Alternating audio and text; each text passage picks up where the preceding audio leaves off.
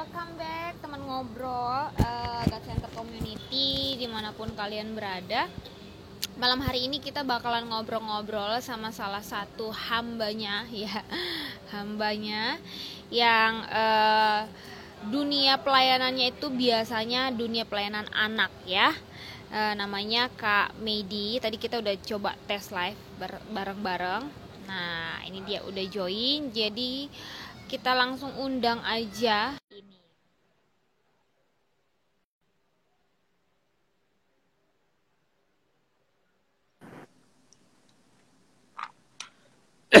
ah, welcome back kak. Halo kak, selamat okay, ya. malam. Ya?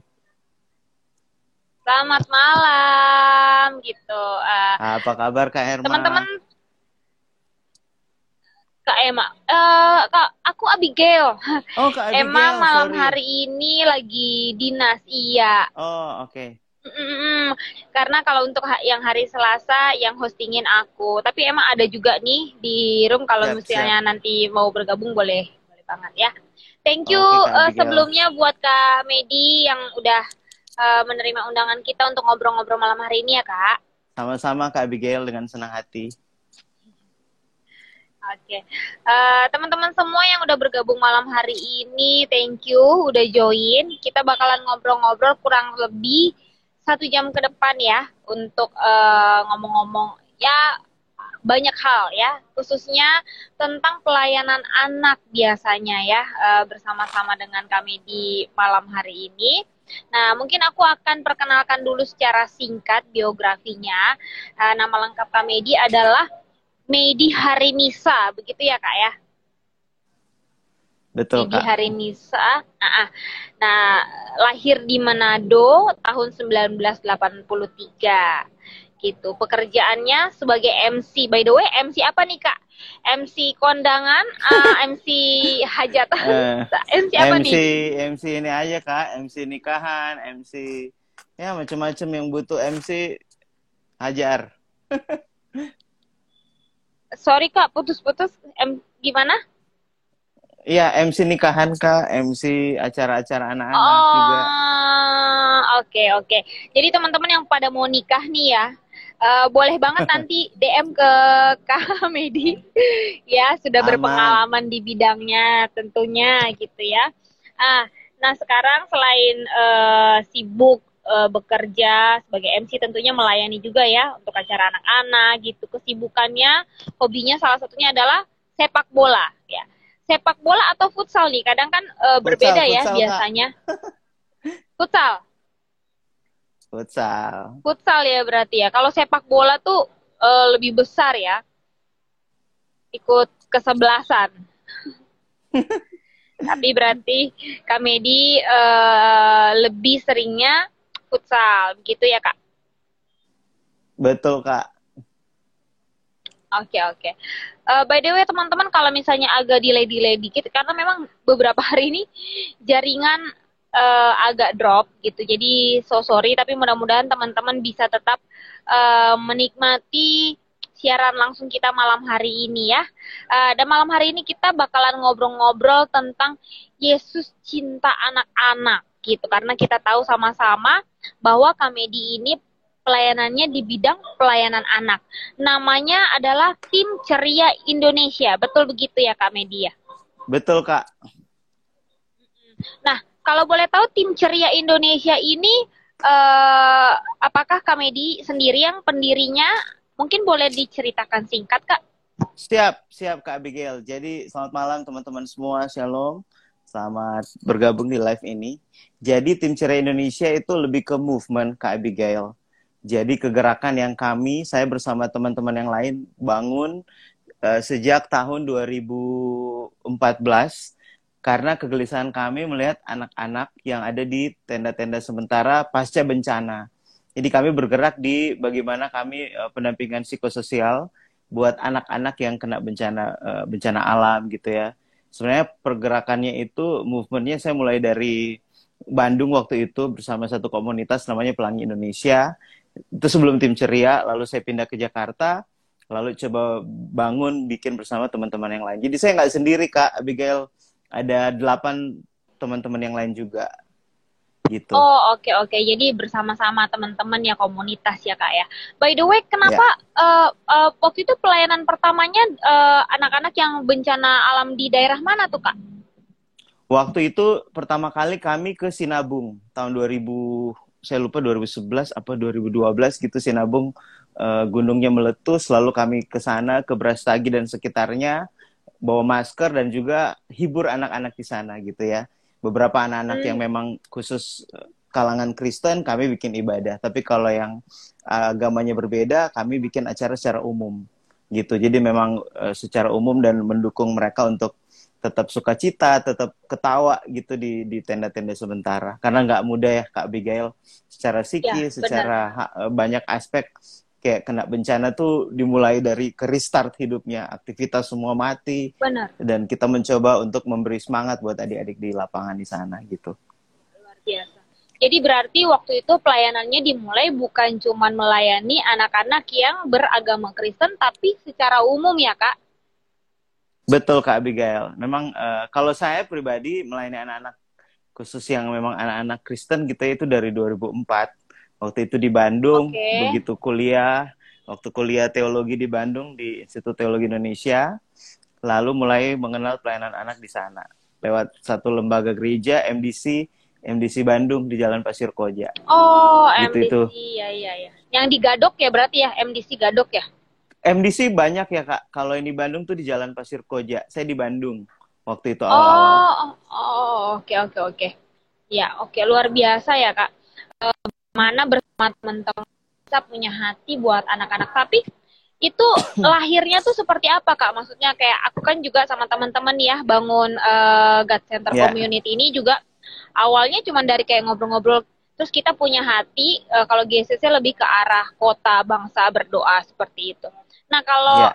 Ya. uh, Kamedi sendiri bersama teman-teman pada waktu itu tiba-tiba kepikiran hatinya buat anak-anak itu karena apa Kak? Apakah karena mungkin ada teman-teman yang memang sudah bapak dan ibu gitu jadi kepikiran nih anak-anak kok bisa gitu karena sementara kan uh, pelayanan anak kan ya kita tahu di beberapa tempat tidak menjadi pelayanan yang fokus ya Kak ya. Yeah. Jarang aku ngelihatnya sih jarang sekali sekolah minggu itu uh, benar-benar difokuskan itu kayak cuman pelengkap aja karena orang tua bawa anaknya ya sudah gitu. Tapi kalau nggak ada nggak bukan ditujukan untuk itu gitu pelayanannya. Tapi bagaimana bisa pelayanan uh, Kamedi bersama teman-teman fokus di pelayanan anak?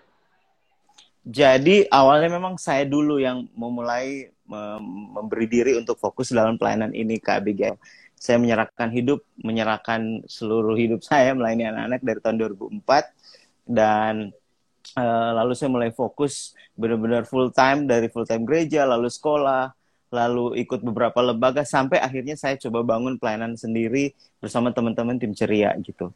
Nah, Kak, kenapa kami mulai memfokus itu memang dari dari visi yang sama gitu ya. Kami melihat sejak uh, yang paling paling mulai awal kami terbentuk tim ceria itu waktu di Palu. Waktu itu Palu gempa 8,9 skala Richter durasinya tuh 47 detik kan kalau nggak salah di bawah satu menit. Tapi uh, karena skala Richternya gede banget dan dampaknya luar biasa Palu Sigi Donggala lalu kami berangkat berkali-kali ke sana. Lalu timnya mulai kebentuk gitu ya dari dua orang lalu tiga orang lalu empat orang. Saya melihat ketika kita fokus pada satu pelayanan yang benar-benar murni dari hati itu akan jadi seperti bola salju dan menginspirasi banyak teman-teman yang lain. Akhirnya banyak teman-teman yang mau terlibat Kak Abigail mau terlibat mau terlibat. Akhirnya yaudah kita coba bikin jadi sebuah movement untuk tujuannya satu biar anak-anak ceria di di lapangan ketika kami uh, turun ke lapangan. Jadi kami mulai dari Sinabung, kemudian Lombok, Palu Sigi Donggala, Ambon, NTT, terakhir NTT itu yang paling terakhir ya uh, banjir bandang. Banjir pada waktu uh, beberapa waktu terakhir. Sebelum NTT tuh Mamuju dan Majene. Gitu ya dan memang kami berjuang ke sana tujuannya satu ingin buat anak-anak uh, ketawa gitu. Tuhan Yesus untuk melayani anak-anak sejak 2004 gitu Kak Abigail. Jadi ketika saya Luar fokus biasa. saya lihat teman-teman punya api yang sama juga. Kak Aldi! Ada saudara ya, saya ini ada Kak Aldi. Iya Kamedi hebat katanya. Luar biasa Aduh, Tuhan Yesus hebat di dalam Kamedi ya Tuhan iya. Yesus aja. By the way, kalau boleh tahu ya. nih, uh, kenapa Kak Medi tuh sering pakai apa sih yang di atas kepala itu kayak maksudnya itu, itu ciri khas kah atau? Enggak kak, ini udeng kak. Saya pengen juga anak-anak cinta budaya Indonesia kak. Jadi saya suka ganti-ganti oh. topi, topi Bali, topi Papua, topi daerah iya, iya Sulawesi iya. Utara, biar biar anak-anak cinta Indonesia. Jadi mereka harus tahu iya, benar, mereka ya. punya punya identitas yang kuat Indonesia gitu. Benar-benar Kamedi semen, uh, apa sedangkan kita lihat realitanya zaman sekarang ini budaya itu bukan lagi menjadi uh, kehidupan anak-anak zaman sekarang ya kak. Betul kak. Jarang uh, uh, jarang banget gitu. Kayak aku nggak pernah melihat lagi ya sekolah-sekolah juga sekarang udah jarang bikin kegiatan uh, seni budaya dan lain-lain sebagai macamnya gitu ya. Kalau zamannya kita dulu kan uh, masih ada tuh zaman zamannya pakai baju ada terus banyak lah gitu. Sedih sih sebenarnya. Jadi bagus juga ya menginspirasi gitu buat teman-teman yang pelayanan di anak gitu ya membangkitkan juga semangat, uh, semangat kebangsaan terus budaya ya kepada harus anak-anak Kak Bigel harus. Gak cuman melatih roh mereka untuk dekat sama Tuhan ya. Karena menurut saya iya, kekristenan betul. Indonesia harus kekristenan yang mencintai kan karena budaya barat gitu uh, jadi Kristen yang nasionalis jadi hmm. memang mau iya, share benar. ke anak-anak mereka harus cinta bangsa ini Iya, Mbak Dewa sebentar Kak. Halo aku Kak Prio. Aku harus switch dulu nih kayaknya ke paket data ya, kayaknya udah mulai ini sebentar. Ah, oke Kak, siap aman. Ini tadi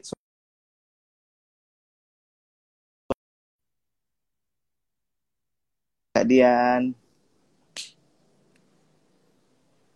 Oke, mudah-mudahan lebih lancar sekarang. Uh, kedengaran ya Kak? Jelas-jelas Kak. Oke, gitu. Oke, kita lanjut. Nanti mungkin teman-teman yang mau bertanya ya sama Kak Medi, sama kita ngobrol-ngobrol aja malam hari ini santai aja tentang seputar pelayanan anak gitu ya. E, boleh langsung tulis di kolom komentar. Nanti di eh, 20 menit terakhir kita bakalan bacain pertanyaannya e, supaya kita bisa ngobrol sama-sama. Nah, uh, mengenai pelayanan anak, beberapa waktu lalu kita juga sempat ngobrol sama Kak Rival. Kayaknya waktu itu Kak Medi sempat masuk juga ya sama Kak Rival. Dia juga uh, iya, iya, apa, iya, itu jadi, sahabat pelayanan anak. Iya, gitu. Uh, dia juga uh, sana. Nah, kita kan pada waktu itu sempat tanya ya gitu. Uh, kalau pelayanan anak ini apa sih tantangan terbesarnya Kak? Gitu. Kalau misalnya kalau kami di GCC lebih kayak ke anak muda gitu kan tantangannya ya jelas ya kalau anak muda zaman sekarang eh, nggak uh, suka berdoa ya yeah. lebih suka pergaulan banyak gitu. Kalau kalau anak tuh apa kak gitu? Ke kemarin kita sempat juga tuh ngobrol uh, karena kita ada pengalaman juga kan kita ada anak sekolah minggu juga yang justru kalau tantangan terbesar kita pada waktu itu adalah orang tua yang nggak sepakat sama guru-guru sekolah minggu, guru-guru anaknya gitu. Yeah Nah, tapi kalau berdasarkan pengalaman uh, Kak Medi ini sepanjang dari tahun berapa itu melayani anak, apa tuh Kak tantangan terbesarnya? Tantangan terbesar yang saya perhatikan ya Kak, justru bukan di anak-anaknya, tapi di kakak-kakaknya. Jadi oh. eh, nggak oh. semua kakak-kakak punya hati yang sama untuk melayani generasi hari ini. Nggak punya, eh, nggak semua kakak-kakak bisa benar-benar tulus mau membangun tim karena ketika timnya nggak beres gitu ya kak ketika kakak-kakaknya nggak selesai dengan dirinya kakak-kakaknya nggak punya panggilan yang kuat kakak-kakaknya masih cari nama masih ingin dipuji masih ingin cari panggung maka itu akan berpengaruh terhadap anak-anaknya justru ya, saya perhatikan okay. banyak sekali pelayanan anak yang hancur gitu ya yang akibatnya efeknya ke anak-anak itu sendiri justru dari kakak-kakaknya sementara oh. pelayanan anak hari ini di masa pelayanan online itu perlu sekali bangun tim kak kita udah nggak bisa kayak Medi sendiri siapa sendiri udah nggak bisa kita harus bangun Avengers sudah nggak bisa uh, Superman gitu nggak bisa kak hmm. jadi harus bangun tim harus bangun tim. Kayak uh, bangun tim tuh ada satu yang kekuatannya di IT kekuatannya di public speaking kekuatannya dia di, di bagian bikin presentasi. Itu harus di di mix kan supaya jadi sebuah tim yang besar untuk jangkau anak-anak lebih besar. Jadi kendalanya di situ kak, karena nggak semua kakak-kakak frekuensinya sama. Gitu ya. Ada yang Benar, kita benar. misalnya kita frekuensinya udah di 10 nih, ada yang masih di dua, dia harus ber- beberes soal karakter. Ada satu lagi harus beberes soal citra dirinya. Ada satu lagi yang sensitif di bagian eh, apa kerjasama dengan tim. Jadi kita akhirnya capek ngurusin timnya, bukan ke anak-anaknya. That's why penting sekali kita bangun tim. Ketika timnya udah kuat, wah itu enak banget kak buat ngejalanin eh, ke anak-anaknya. Benar ya, Gitu. karena ketika yang satu mungkin ngalamin tantangan, ada tim yang lain yang untuk menguatkan dan saling backup ya kak ya. Harus kak. Nah, aku rasa sih bukan cuma di pelayanan anak ya, kayaknya di semua jenis pelayanan memang tim itu Iya. yang kadang sering bermasalah ya kak. Kalau kita lihat di komunitas, di ministry, biasanya masalah terjadi kan bukan karena jemaat kayak perpecahan gereja. Kelihatannya sih gerejanya pecah. Tapi sebenarnya masalahnya itu terjadi pada pemimpin-pemimpinnya ya kak. Timnya, Tim ya kak. pengerjanya. Timnya. Benar, Betul benar. sekali. Jadi jadi karena ya benar kata Kak Medi tadi ya eh, ketika orang melayani kadang-kadang ya itu cari panggung tuh kayak ya nyibukin diri aja terus cuman basic suka sama anak-anak padahal nggak Betul. cuman batasnya sampai di situ ya Kak. Itu cuman mungkin basic aja suka anak-anak tapi perlu belajar esensi melayani juga ya Betul banget Kak Abigail. Perlu ada panggilan kalau menurut saya. Melayani anak-anak nggak bisa nggak bisa cuma karena dasar suka sama anak-anak. Ketika dia Hmm. ketemu anak-anak yang dia nggak suka akan pudar. Iya, Ketika Benar, ada benar. masalah clash dengan tim akan langsung mundur. Ketika kayak sekarang tiba-tiba ada perubahan nih.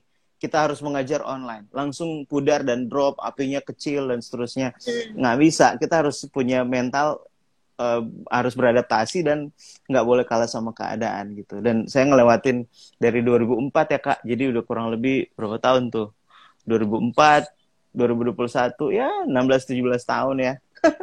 Dan bener-bener bener-bener harus fight kak. Jadi sekarang saya udah punya apa-apa punya tim gitu. Kayak tim ceria kami Ya. khusus untuk untuk ke lapangan eh, gempa bumi bencana alam. Kalau untuk tim pelayanan di Zoom kami punya tim pegiat anak khusus eh, Zumpa anak Indonesia. Itu semua serba Oke. tim.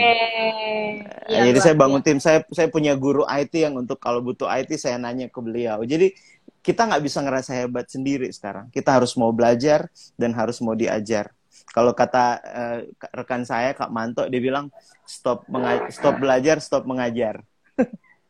Oh, iya iya benar ya. Karena apa yang mau diajarkan dia nggak pernah belajar sesuatu yang baru ya kak. Betul Kak Abigail.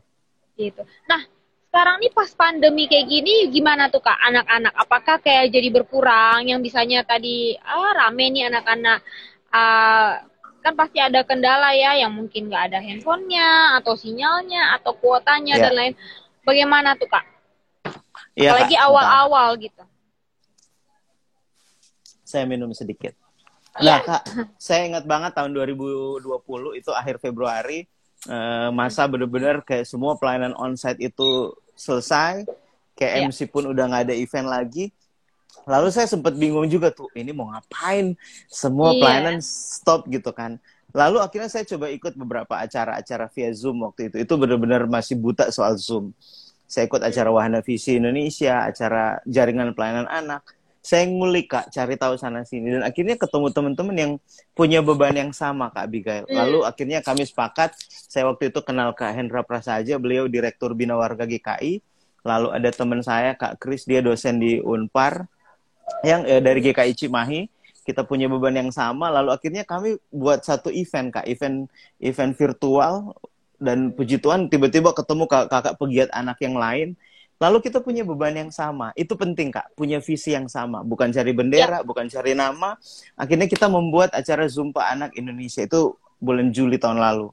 Dan itu, Hmm. puji Tuhan, menjadi menjadi inspirasi buat banyak gereja bikin acara Zoom kepada anak-anak. Dan akhirnya waktu itu kami bikin yang hadir 1.200 anak, dibuka sama Pak Gomar Gultom, Ketua PGI, dan hadir berbagai berbagai eh, lembaga pelayanan dari Bala Keselamatan, dari GBI, dari Gemim, dari GBKP, HKBP, dan akhirnya menembus semua tembok-tembok yang ada. Nah, saya coba Hmm. merenungkan bahwa pandemi ini ngajarin kita untuk kembali ke esensi, termasuk pelayanan anak. Kita udah nggak bisa bawa bendera-bendera hari ini. Anak-anak kita nggak lihat doktrin sama bendera, Kak.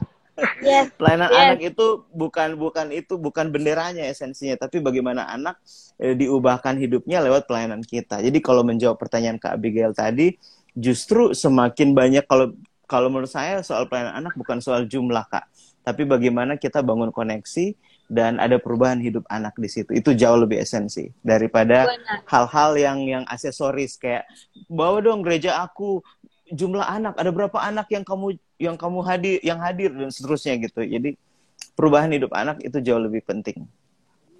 Benar-benar ya. Uh, keren banget sih yang tadi kami disampaikan ya bahwa uh, kayak kita nggak bawa bendera, nggak bawa doktrin. Ini kan sedikit ya kak orang yang uh, berpikiran mungkin nggak sedikit tapi mungkin jarang mungkin ya gitu. Jadi uh, apa namanya? Kalau kadang-kadang kan pelayanan kan memang sekarang ngomongnya sih nggak bawa doktrin, tapi uh, ternyata bawa doktrin ketika nggak cocok, terus langsung kayak nggak.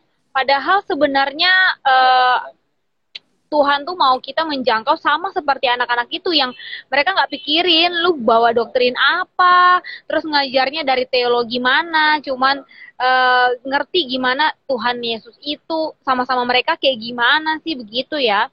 Sebenarnya harusnya justru dari pelayanan kalau aku ya ngelihatnya kak, aku justru terin, terinspirasi lewat apa yang tadi kami disampaikan melayani anak-anak itu nggak perlu bawa semua itu bendera, apa doktrin dan lain-lain. Sebenarnya kita semua harus melayani seperti itu gitu ya, belajar dari pelayanan anak ini bagaimana kalau bagaimana bisa berhasil sebuah pelayanan itu kalau kita ngajar ke anak-anak uh, teologi dasar misalnya mereka nggak ngerti. Tapi sebenarnya ini basic yang harus kita bawa ke pelayanan-pelayanan lain. Setuju nggak kalau Kamedi kalau aku bilang kayak gitu?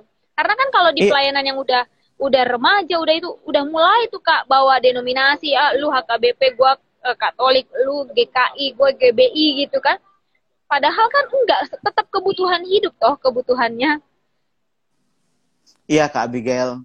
Kalau saya sih melihatnya sesuai dengan tema kita ya. Kita bahas soal Yesus cinta semua anak-anak kalau kita tarik mundur ke ke sejarah gitu ya dari perjanjian lama jelas banget bagaimana firman Tuhan gitu ya, atau Taurat Torah itu harus diajarin berulang-ulang, skema gitu kan, berulang-ulang dan dan penting sekali uh, pendidikan anak. Lalu kalau kita majuin lagi ke perjanjian baru di mana Yesus hadir ke bumi, dari Yesus anak-anak pun itu dibahas jelas ya kak, waktu Yesus ke bait Allah.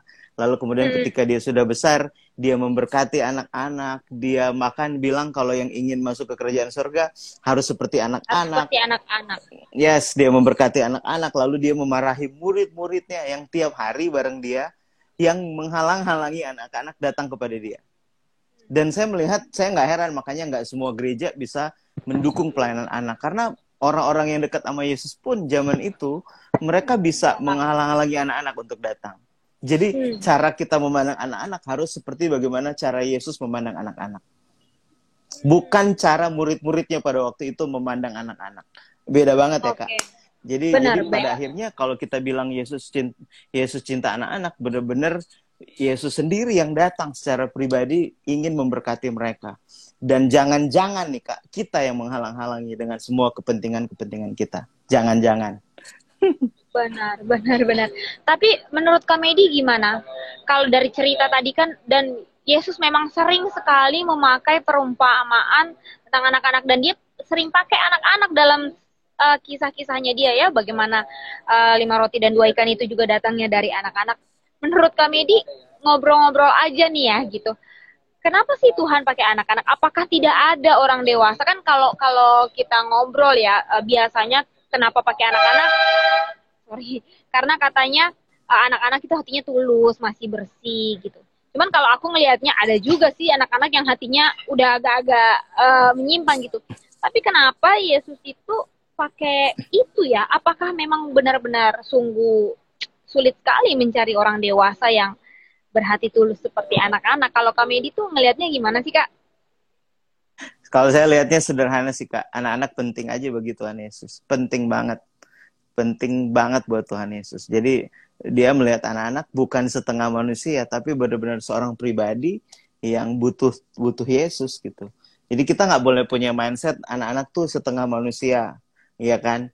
Anak-anak tuh eh, ibadah anak tuh tempat penitipan. Itu gereja anak-anak ibadah anak bukan daycare di hari Minggu, gitu kan? Bahkan bukan sekolah di hari Minggu.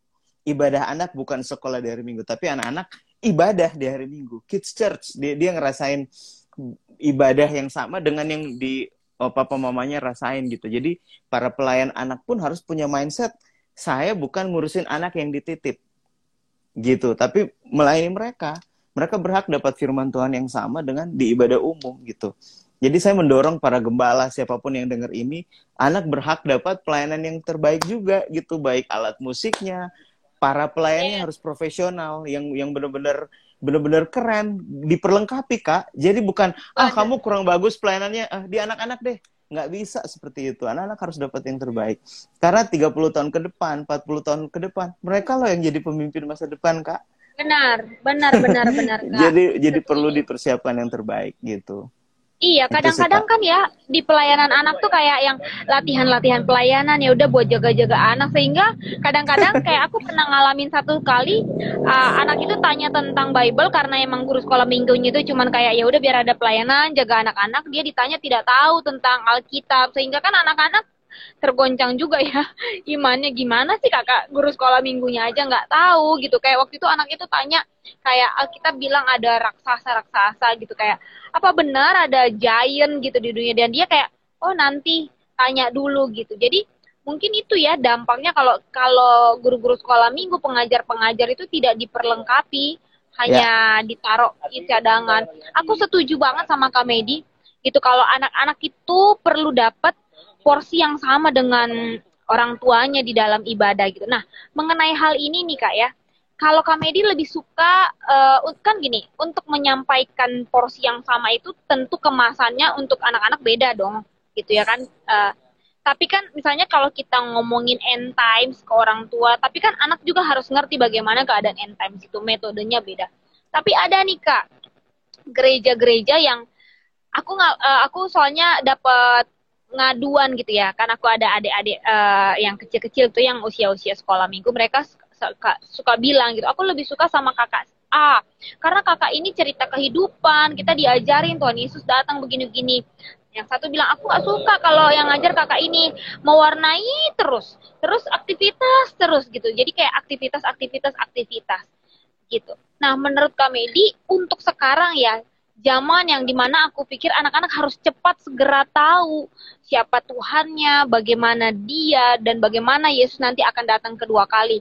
Sementara kan aktivitas-aktivitas itu seperti apa harus dikemasnya untuk e, menyampaikan bahasanya untuk anak-anak itu supaya dapat gitu loh kak esensinya. Kak Medi paham ya maksud aku ya? Ya, ya, ya. Iya Kak Abigail, hmm. kalau saya lihatnya gini ya di masa pandemi ini, uh, hal kreatif, hal-hal teknis gitu ya. Kalau saya bilang kreativitas itu teknis. Sebelum kita sebagai para pelayan anak ke teknis, ada hal-hal basic yang harus diberesin. Kalau kita bicara mengajarin anak-anak tentang Tuhan Yesus, kakak-kakak sekolah minggu itu harus alami Yesus dulu. Hal basic ya kak, dia harus ngalamin Tuhan dulu. Dia harus selesai dengan dirinya dua ini itu jadi hal basic kak. Maksudnya dia ngalamin Tuhan Yesus dia ngalamin Kristus di dalam hidupnya. Ketika dia lagi ada masa-masa sulit dia tahu ada Yesus yang jadi jadi center kehidupan dia kakak-kakaknya nih ya. Begitu dia ngajar anak dia akan tahu arahnya ke situ gitu. Lalu yang kedua tadi dia selesai dengan dirinya tuh soal citra dirinya. Nggak butuh pengakuan nggak butuh pembuktian nggak butuh nggak ngerasa rugi gitu ya ketika dia melayani anak-anak. Nah itu harus beres dulu. Ketika ini udah beres kak, soal dia mau pelajari soal teknis itu gampang banget. Kita bisa ngulik dari YouTube, Instagram, TikTok, segala macam sumber banyak banget sekarang. Tapi hal yang mendasar kak, dia harus cinta Tuhan Yesus dulu, lalu dia punya panggilan ke anak-anak itu tadi gitu. Kalau dia nggak punya hal basic ini, akan rapuh. Banyak sekali teman-teman pelayan anak yang ketika masa pandemi langsung mundur dan segala macam. Jadi saya lihat bahwa uh, itu harus beres dulu kak. Nah soal nanti kreativitas dia bisa pelajari dari berbagai sumber. Lalu kalau menjawab pertanyaan kak Abigail soal ada kakak yang anak-anak sukai dan nggak sukai itu rasanya setiap uh, pelayanan tuh ada aja kayak gitu kak. Ya, kita juga nggak bisa uh, fokusnya menyenangkan semua anak. Tapi bagaimana kita menyenangkan Tuhan lewat bagaimana kita kasih yang terbaik buat anak. Itu jauh lebih esensi gitu kan kak jadi kalau soal anak-anak uh, lebih suka kakak yang satu dua tiga ya itu beda-beda kan bagaimana sih uh, pendekatan kakaknya ke anak-anaknya. Jadi sekali lagi memang kalau kakak-kakaknya punya cinta yang besar sama Tuhan Yesus lalu cinta yang besar kepada anak-anak itu akan nyampe ke anak-anaknya. Gitu sih Kak Abigail. I, I see, I see. Thank you banget Kak Medi. Jadi berarti kalau kalau aku tangkap kalau si kakak-kakak ini uh, cinta Yesus, tahu ketika mereka uh, mengajar dengan aktivitas ya prakteknya dan lain-lain itu pasti akan diterima baik dan sampai ya ke anaknya tapi kalau ya mungkin uh, kalau ada yang komplain kan bisa dilihat dulu ya maksudnya uh, aku kayak anak-anaknya nggak suka kita cek dulu kalau memang kakaknya ini sudah sungguh-sungguh dia juga tahu Yesus ya semua anak bisa jadi nggak suka sama kita tapi mungkin para pengajar juga boleh mengoreksi apakah yang disampaikan itu mungkin dipelajari tapi kosong karena nggak dihidupi gitu ya kak kan karena Bisa ada kita pun orang gitu.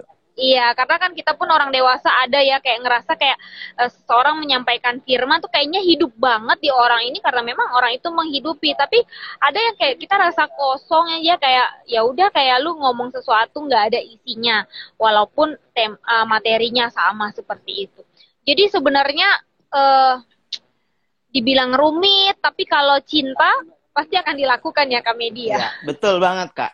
Makanya saya bilang pelayanan anak tuh nggak bisa dianggap remeh, baik ke anak-anaknya nah. maupun ke para pelayannya gitu ya. Karena Yesus iya. sendiri pun nggak menganggap remeh anak-anak loh kak. Dia bisa marahin murid-muridnya ketika si murid-muridnya ngalang-ngalangin anak-anak. Iya ya kan? Bahkan Yesus mengutamakan anak-anak, dia memberkati anak-anak gitu. Hmm. Jadi jadi benar-benar penting banget anak-anak ini. Jangan sampai kita Benar. gereja, kita kakak-kakaknya jadi penghalangnya justru berkat yang mau sampai uh, terhalang. Makanya saya selalu mikir gini, ketika guru nggak persiapan dengan baik, maka jangan sampai justru itu menghalang-halangi berkat Tuhan Yesus buat si anak-anaknya.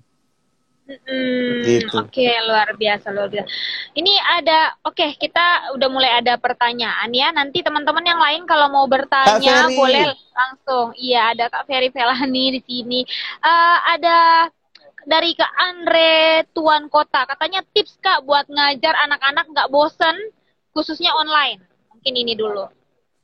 Gimana okay, tuh Kak Medi tipsnya? Yang pertama memang uh, di zaman sekarang tuh kan zaman online nih audio visual ya kak. Saya akan coba mempersingkat aja jawabannya karena pertanyaan ini jawabannya satu sesi dua sesi sendiri. Tapi saya saya saya buat jadi sederhana.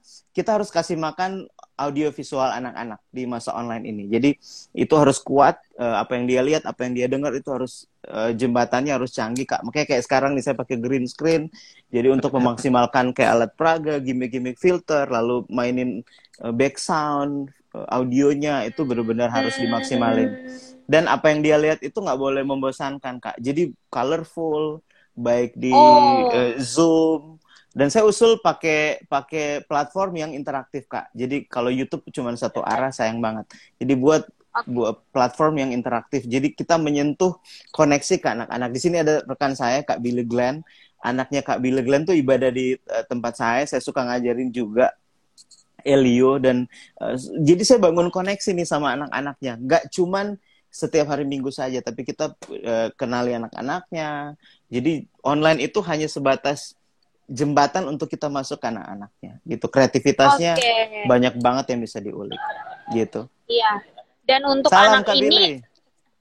dan untuk anak ini juga harus kita harus belajar setiap hari ya Kak karena anak zaman dulu sama zaman sekarang beda. Kalau aku aku ngajar di PAUD gitu ya dan eh guru kan gitu ya nyiapin ini dan karakter anak beda kita harus handle ini handle itu itu benar-benar sih. Jadi aku setuju banget sama Kak Medi. Memang kita itu harus benar-benar mencintai anak-anak itu dan mencintai Yesus juga gitu ya. Mencintai Yesus maka mencintai anak-anak itu supaya yang kita uh, apa sampaikan itu sama seperti Yesus Betul. mencintai anak-anak gitu ya kak luar biasa satu lagi sekali. satu lagi kak Begel keinget hmm. kalau kita guru sekolah minggu nggak menghidupi ya kita kayak dokter hmm. gigi yang ompong oh. kita kayak dokter gigi tapi ompong jadi apa yang kita ngomong jadi nggak nggak powerful selama kita nggak menghidupi itu gitu jadi kalau kita yeah. bicara mau kenalin Yesus ke anak-anak kita harus kenali Yesus dulu kita harus ada di masa-masa sulit keluar masa sulit oh iya Tuhan tolong saya sebagai kakak jadi waktu kita cerita ke anak-anak itu akan jauh lebih powerful. Kayak contoh nih, misalnya saya saya pernah ke Ora Beach di Maluku. Terus saya ngalamin pengalaman ke Ora Beach, lalu saya ceritain ke teman-teman yang nggak pernah eh, nggak uh, pernah ke Ora Beach itu akan beda banget dengan yang menceritakan yang nggak ngalamin gitu.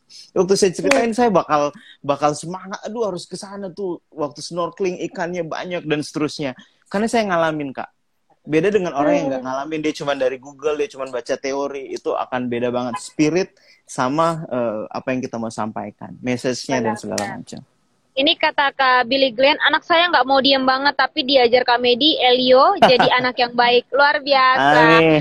Elio tuh kritis banget, selalu nanya dan yeah. kami, wow bener-bener kadang pertanyaan ini dia bikin kita bingung. Waduh apa ya jawabannya? Tapi ya mau nggak mau kita harus belajar kan Kak. Makanya oh, saya setuju ada kata-kata dari uh, mentor saya Pak Daniel Alexander dia bilang gini, kita harus hmm. belajar dari anak-anak. Dia mereka ya. anak-anak tuh dosen terbaik. Iya benar-benar ya.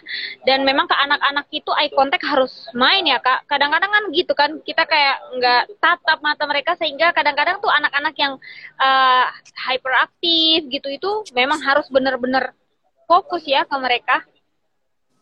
Ya itu lebih ke teknis ya kak ya. Kalau uh, kita iya. ngajar onsite ke mata mereka, kalau di online ya ke kamera pastinya. Jadi biar iya. uh, kayak menatap mereka gitu teknis. Benar-benar.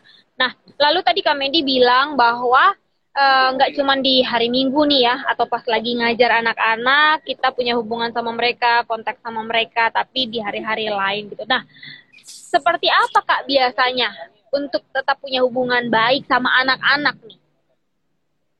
Follow up-nya tuh seperti yang apa? harus ya, yang harus diketahui bahwa kita para guru sekolah minggu, para leaders gitu ya, tidak bertanggung jawab 100% terhadap perkembangan rohani anak-anak. Tetap papa oh, mamanya okay. adalah guru sekolah minggu terbaik dia. Kita tuh jadi kayak suplemennya kak. Kalau kita kuat juga, maka akan jadi kolaborasi manis tuh antara papa mama dan leader guru sekolah minggu ini. Makanya ya. saya coba berusaha gitu ya selain hari minggu kita bisa WhatsApp di hari lain atau WhatsApp setelah sekolah minggu. Kayak ada beberapa anak yang saya rutin nanya gitu ya. Kayak kemarin Elio sempat sakit. Saya bikin video Elio cepat sembuh ya. Kayak makasih Kak Medi ada beberapa anak-anak Jaden Jordi Faye yang saya selalu eh gimana udah baca Alkitab belum? Jadi benar-benar bangun koneksi sama mereka. Dan nggak cuman lewat WhatsApp kadang kami datang kunjungi ngobrol, berbagi kehidupan, kamu lagi main game apa sekarang dan seterusnya gitu ya. Dan itu harus dibangun juga di luar hari Minggu kak, karena kita sangat terbatas di dua jam kurang ibadah, apalagi online tuh rata-rata cuma sejam. Jadi bisa bikin Rabu gembira, Kamis ceria, Jumat sukacita, apa pun namanya gitu ya. Ada kegiatan di luar hari Minggu juga untuk bangun koneksi dengan anak-anak ini dan pastinya harus kolaborasi dengan papa mama. Itu penting banget sih. Jadi biar Berarti kita ini... tuh makanan hmm. rohaninya sama nih. Jadi kita kasih tahu ke orang tua, ada parents guide-nya yeah. juga. Nih, papa mama hari ini anak belajar tentang ini ya dan seterusnya. Oke. Okay. Gitu. Jadi komunikasi kakak-kakak pengajar sama orang tua juga harus baik ya gitu. Memang benar. Nah makanya ini mungkin buat papa mama yang nonton gitu ya live kita nanti mungkin setelah ini bisa lihat di IGTV jadilah papa mama yang menjadi mentor terbaik buat anak-anak gitu ya. Karena seperti tadi uh, kami dibilang bahwa tanggung jawab kerohanian anak itu bukan berada di kakak-kakak pengajar sekolah minggu. Kadang kan, kadang kan gitu ya kak, kita sebagai kakak-kakak gitu, uh, kami juga sering gitu itu tuh kak Cici begini. Dibilang aku bisa biasanya panggil kak Cici anaknya begini gitu. Kadang kan kita bingung waduh kan ibu oh, bapak anaknya kan tinggal sama ibu bapak gitu kan. Kita yang harus tolong bilangin kak Cici gitu. Tapi memang orang tua pun harus benar-benar uh, menjadi teladan ya buat anak-anak ini dalam kerohanian khususnya seperti itu ya kak Medi jadi buat papa mama halo papa mama sorry uh, tapi supaya anak-anak uh, kita ini bisa uh, bertumbuh sama-sama ke dalam Kristus, kita perlu bekerja sama dengan baik begitu ya Kak Media. Dan itulah dia tadi bahwa nggak gampang menjadi pengajar sekolah minggu karena kan tadi tuntutannya selain untuk menangani anak-anak ini dengan keriuhannya segala macam ya. Ini aku rasa pelayanan anak-anak itu juga modalnya nggak dikit ya kak. Mungkin orang kan kayak oh gereja kan biasanya fokusnya bikin KKR misalnya anak muda.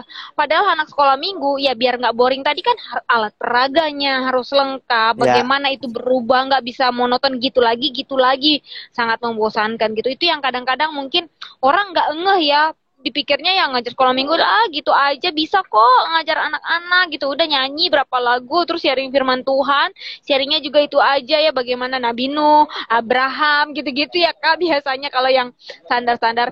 Dan yang yang lebih ininya lagi memang kakak-kakak uh, pembina rohani untuk anak-anak ini juga harus punya hidup yang berpadanan dengan firman Tuhan. Karena kalau enggak bekerja sama dengan orang tua itu kan berarti harus punya apa ya namanya etika moral yang baik terus hubungan e, cara membangun hubungan yang baik. Jadi sebenarnya nih guru sekolah minggu ini ya bisa dibilang harus pelayan Tuhan yang paling perfect kali ya. Iya nggak harus... sih kak nggak paling perfect tapi dewasa mau mau berubah mau jadi lebih baik mau banyak belajar sih kak gitu. Iya, saya benar. lagi saya keinget ada ada uh, ngobrol-ngobrol waktu itu sama beberapa pegiat anak dia sempat share ke Hendra Prasaja beliau direktur Bina Warga GKI beliau pernah bilang gini bahwa di masa sekarang di abad 21 ini perlu ada 4 C yang kakak-kakak harus miliki four C's ya 4 okay. C okay. kalau dalam mengajar yang pertama eh, communication dia harus belajar berkomunikasi baik dengan orang tua dengan tim yang ada lalu creativity harus kreatif hmm Lalu ketiga critical thinking, harus mulai kritis juga dengan apa yang diajarin, dengan anak-anak siapa yang diajarin. Karena kayak anak pun bahasa kasihnya beda-beda. Nggak usah hmm. anak, kita pun punya bahasa kasih yang beda kan. Yeah, Physical betul. touch, quality time, give, hmm. ya kan, dan uh, serve dan macam-macam tuh. Belum lagi cara anak belajar. Anak betul. belajar zaman sekarang beda-beda kak. Kalau kakak pernah dengar multiple intelligence, intelligent gitu ya, di mana cara anak belajar macam-macam. Dia ada yang bisa belajar sambil duduk diam, ada yang sambil gambar, sambil lari-lari. Iya. Udah nggak bisa, udah nggak bisa pakai Ada yang sambil ya. lihat diam. ikan. yes, yes, sudah nggak bisa. Diam semua ya dengerin kakak, udah nggak bisa. Sekarang iya. kita harus harus harus belajar seperti itu. Jadi nggak gampang melayani anak-anak, tapi bukan berarti nggak bisa gitu. Makanya saya ya. selalu share ke banyak pembina anak para pelayan bahwa di zaman hari ini eh, nggak uh, ada yang nggak bisa, yang ada adalah nggak mau. Lalu terakhir setelah tadi communication, creativity, critical thinking, yaitu terakhir uh, critical sebentar saya jadi lupa creativity, critical thinking, communication, satu lagi itu creativity, eh sebentar creativity, critical thinking, communication, PR saya satu kak, saya lupa. Ada satu lagi. Jadi pokoknya dia empat C. Eh, itu okay, penting okay, banget nanti, kita sebagai uh, guru sekolah minggu miliki. Iya benar. Nanti mungkin kalau keingat disebutkan, tapi kalau enggak mungkin nanti boleh di WhatsApp ke Emma ya kak, biar kita uh, juga bisa kasih tahu ke semua teman-teman yang lainnya. Dari Kak Bill Glenn ini katanya Kak Medi kongres untuk weddingnya biar cepat dapat momongan. Izin pamit ya biar Amin. Tuhan makin pakai Kak Medi luar biasa. Siap, Amin. Kak Glenn. By the way teman-teman, iya uh, Kak, Kak Medi barusan saja, bukan barusan saja, beberapa waktu lalu baru menikah ya Kak. Puji Tuhan, akhirnya Tuhan mempertemukan dengan pasangan hidup dan semoga juga nggak cuma jadi kakak sekolah minggu yang keren banget dari tadi orang-orang bilang, "Oh, Kak Medi keren," tapi nanti Puji jadi Tuhan. bapak yang luar biasa juga buat anak-anaknya ya, Kak. Kita juga doakan gitu. Tadi by the way ini mungkin intermezzo, tapi mungkin boleh dijawab juga kali ya, Kak. Ada yeah. pertanyaan tuh tadi katanya gini, "Kak Medi, kok lucu banget sih makannya apa?" itu Mas Priyo itu. Hmm, gitu. Makan nasi lah gitu kan. Ini dari dari Apen Damani kongret kak. Buat weddingnya. Thank you for sharing katanya kak Esther Veronica Manuputi sama-sama. Thank you kak Apen. Kak Esther thank you luar biasa oke okay. Andi mungkin ada, ada rekan saya kak Agus tuh Oh ada kan? Oke okay, oke. Okay. Halo semuanya, thank you ya udah join malam hari ini. Mungkin ini pertanyaan terakhir dari kita. Nanti kalau teman-teman masih ada, masih ada kurang lebih 15 menit terakhir ya. Teman-teman boleh uh, ngobrol, tanya atau mungkin kasih masukan gitu ya, atau apalah gitu. Nah kalau dari aku uh, kata Kak Andi Agus, Kak Medi nggak ada duanya. ya Tuhan Yesus tuh nggak ada duanya. Kalau ada duanya kembar Kak Agus. Ini rekan-rekan pelayanan juga satu tim kami Kak. Oke, luar biasa semangat terus pelayanannya Kapan Kak Andi Agus. Harus undang Kak Andi Agus, harus ngobrol okay. sama beliau. Okay, beliau okay, punya hati okay. khusus melayani uh, yang tunarungu juga, benar-benar. Oh, keren banget. Iya ya. benar. Kita kita juga belum ngobrol tentang bagaimana anak-anak yang uh, ini ya uh, ABK Special itu needs, juga tantangan. Betul. Boleh ngobrol ini Kak Rudi Mulia bersama rekan mm -hmm. saya Kak Naldo mereka tiap minggu ke pedalaman untuk bagi buku buat anak-anak di Kalimantan Barat. Wow. Love Borneo namanya. Boleh dihubungi tuh, ajak oh. ngobrol juga. Jadi banyak teman-teman yang punya okay. tim menginspirasi banget. Mm-mm, boleh tuh dicatat Emma. Emma masih ada di sini. Emma bagian uh, undang-undang. Silakan gitu. Emma. Oke, Kak Medi, terakhir nih aku mau tanya, kalau tadi mengawali pelayanan bersama tim Ceria Indonesia ya, benar ya Kak ya? Ya, betul. Uh, uh, itu adalah uh, supaya anak-anak itu bisa sukacita. Uh, tujuannya cuma itu, bikin mereka tersenyum dan tertawa lagi. Nah, itu pastilah ya, kita pengennya anak-anak itu selalu gembira. Tapi goals goals uh, buat anak-anak tersendiri selain cuma mereka mendapat apa, apa jadi sukacita, tersenyum, apa sih kak? Karena kan kalau anak-anak ini nanti kan dituainya nggak nggak langsung kelihatan ya gitu. Tapi di dalam pelayanan anak ini kalau komedi pribadi apa goalsnya? Jadi, maksud aku kayak buat komedi pribadi kayak udah cukup puas kalau udah sampai di tahap ini gitu ya kak saya mau lurusin dulu tadi maksudnya tuh bawa sukacita kalau pelayanan khusus bencana kak gitu okay. tapi kalau uh, kalau uh, target secara pribadi sih nggak muluk-muluk kak berharapnya anak-anak berubah kak saya selalu menghargai menghargai setiap proses perubahan. Jadi misalnya dari anak yang misalnya dia malah cuci piring lalu jadi rajin cuci piring itu bentuk perubahan, okay. bentuk pertobatan. Jadi arah dari semua pelayanan ini adalah perubahan hidup anak. Bukan soal okay. anaknya ber, bukan soal anaknya bertambah banyak, bukan soal nama pribadi kita makin dikenal, bukan soal brand gereja makin diketahui orang. Itu hal-hal bukan yang esensi. Saya saya percaya bahwa hal yang jauh lebih esensi adalah ketika anak berubah, ketika anak mengalami Tuhan Yesus, ketika anak tahu bahwa ketika lagi ada masalah dia tahu siapa yang harus dia cari, yaitu Yesus. Gitu. Jadi yeah. arahnya ke situ, Kak. Apalagi kita hidup di era semua abu-abu nih. Semua abu-abu. Kalau misalnya anak nggak punya dasar yang kuat, dasarnya firman Tuhan, maka hidup akan selesai, Kak. Akan mudah dibawa arus dan sebagainya. Gitu. Jadi hmm. jadi arahnya uh, menurut saya adalah bagaimana anak, ya? perubahan hidup anak. Anak-anak diubahkan, dia ngalamin Tuhan, dan dia tahu ketika lagi dalam pergumulan, dia harus cari siapa dalam hidupnya. Dan yeah. hanya Yesus yang bisa tolong, apalagi di masa-masa seperti ini. Oke, teman-teman yang lain ada yang mau bertanya? Tadi karena kami di uh, sempat singgung kayak apa namanya perubahan hidup anak-anak tahu uh, apa bahwa kalau mereka ada apa-apa itu harus cari Yesus gitu ada nggak sih kak cerita spiritual nih ya tentang anak-anak? Kan mungkin uh, ada banyak yang lain gitu. Tapi kalau Kamedi sendiri pernah nggak ngalamin misalnya kayak uh, anak ini kayak cerita kak aku minta ini terus Tuhan kasih yang yang luar biasa luar biasa yang kayak bahkan kita kakak-kakak rohani ini uh, juga nggak pernah ngalami misalnya mujizat-mujizat yang anak-anak itu alami secara pribadi. Apa cerita yang paling menarik mungkin sepanjang pelayanan Kamedi terus anak itu cerita dia begitu? Banyak Tuhan. Kak banyak banget. Salah satunya saya pernah ada satu anak waktu itu uh, saya share. Ini delay nggak suara saya kak? Bergema nggak? Enggak, enggak, enggak, ya? enggak. Bagus. Oke. Okay. Jadi satu kali ada satu anak yang dia lagi papa mamanya lagi ribut gitu ya, hampir divorce. Lalu saya ingat banget saya bawa firman tentang waktu itu Natal temanya menjadi pembawa damai. Lalu anak ini dia cerita kami di waktu itu papa mama lagi ribut. Terus aku ambil tangan papa, lalu lagi ribut nih diambil tangan papa, terus dia taruh ke tangan mamanya Terus dia bilang, papa mama akur ya, jangan ribut lagi ya. Akhirnya papa mamanya jadi damai lagi dan eh, nggak uh, jadi divorce. Dan dia cerita ke saya dan saya jadi jadi langsung benar-benar ngerasa terharu. Anak ini dia menjadi pembawa damai. Dan perubahan yeah. itu sederhana kak, nggak ribet, nggak yang dari kayak mujizat yang dari buta tiba-tiba melihat nggak sebesar itu tapi hal-hal sederhana dan ada perubahan-perubahan kecil itu bentuk anak nangkep apa yang dimaksudkan gitu. Jadi setiap benih firman yang kita tanamkan itu nggak akan kembali dengan sia-sia. Ketika akan ketahuan ketika ngalamin uh, pergumulan gitu dan anak bisa ngalamin pergumulan di usia dia, anak bisa ngalamin stres di usia dia. Tapi anak juga bisa ngalamin Tuhan di usia sedini mungkin. Dan itu perlu sekali kita tanamkan iya. sedini yeah. mungkin buat anak-anak kita. Jadi nggak bisa dianggap remeh uh, benih-benih firman yang ditaburkan buat anak-anak. Oke, luar biasa ya. Aku sampai merinding ya. gitu. Jadi bagaimana setiap anak-anak ini firman yang mereka dengar, cerita yang mereka dengar itu mereka terapkan dalam kehidupan sehari-hari dan mereka melihat sendiri bahwa itu bukan ya. dongeng tapi itu the real. Jesus gitu ya kak ya luar biasa oke okay.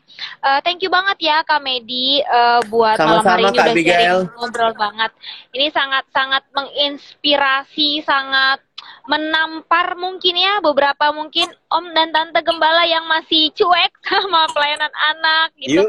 orang tua orang tua. Iya orang tua orang tua yang mungkin berpikir udahlah kakak rohaninya gitu. Hari ini kita belajar yang luar biasa banget. Nah terakhir Kak Medi pesan Kamedi buat Om dan Tante Gembala, orang tua dan para pengajar. Tiga, Kak. Tiga, tiga pesan nih. Pertama, kalau ya. bukan kita yang muridkan anak-anak, dunia yang akan muridkan.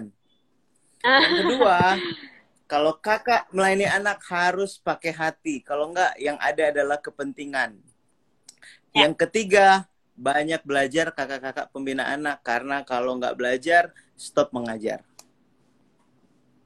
Luar biasa. Thank you banget Kak Medi buat malam hari ini. Thank you Kak Abigail. Mudah-mudahan Iya, mudah-mudahan nanti uh, di lain waktu ya kita bisa ketemu ngobrol lebih panjang lagi. Siap. Mungkin kita mau juga Kak kalau ada kesempatan boleh kita uh, terlibat juga dalam pelayanan anak kita mau lihat juga ya uh, bagaimana uh, melayani anak-anak gitu supaya belajar lebih banyak lagi. Thank you banget buat malam hari ini. Sukses terus buat Kamedi, diberkati Thank Tuhan selalu. Amin. Uh, salam ju salam juga buat istri Kak. Amin. Siap disampaikan. Iya. Oke, okay. teman-teman thank you buat yang udah join malam hari Makasih ini semua. kurang lebih satu jam kita udah ngobrol. Iya, thank you. Uh, kita bakalan uh, ada live teman ngobrol itu setiap hari Selasa jam 6 sore. Jadi next week dengan uh, apa tamu yang lain lagi yang menginspirasi tentunya yang uh, dasarnya adalah firman Tuhan ya pastinya.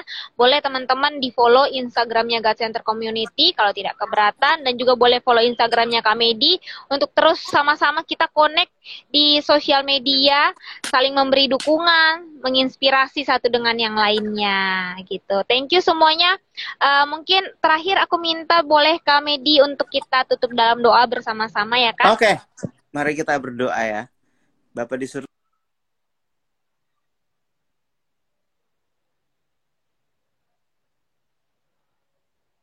biar Tuhan kami lebih menghargai setiap anak-anak yang ada. Betapa anak-anak adalah berkat terbaik yang Tuhan beri. Gak semua orang diberi kesempatan untuk punya anak di dunia ini.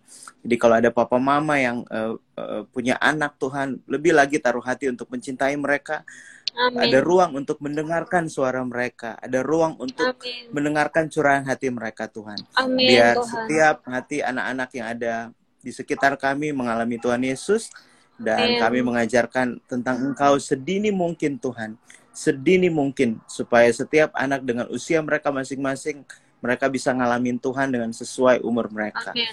Pakai kami Amin. untuk tetap punya hati, mencintai anak-anak, mengasihi anak-anak, eh, menghargai mereka sama seperti Tuhan, menghargai mereka Tuhan memberkati, Tuhan menyatakan mujizat lewat anak-anak. Bahkan ketika Tuhan Yesus masih anak-anak ada di bait Tuhan mau belajar firman Tuhan. Karena begitu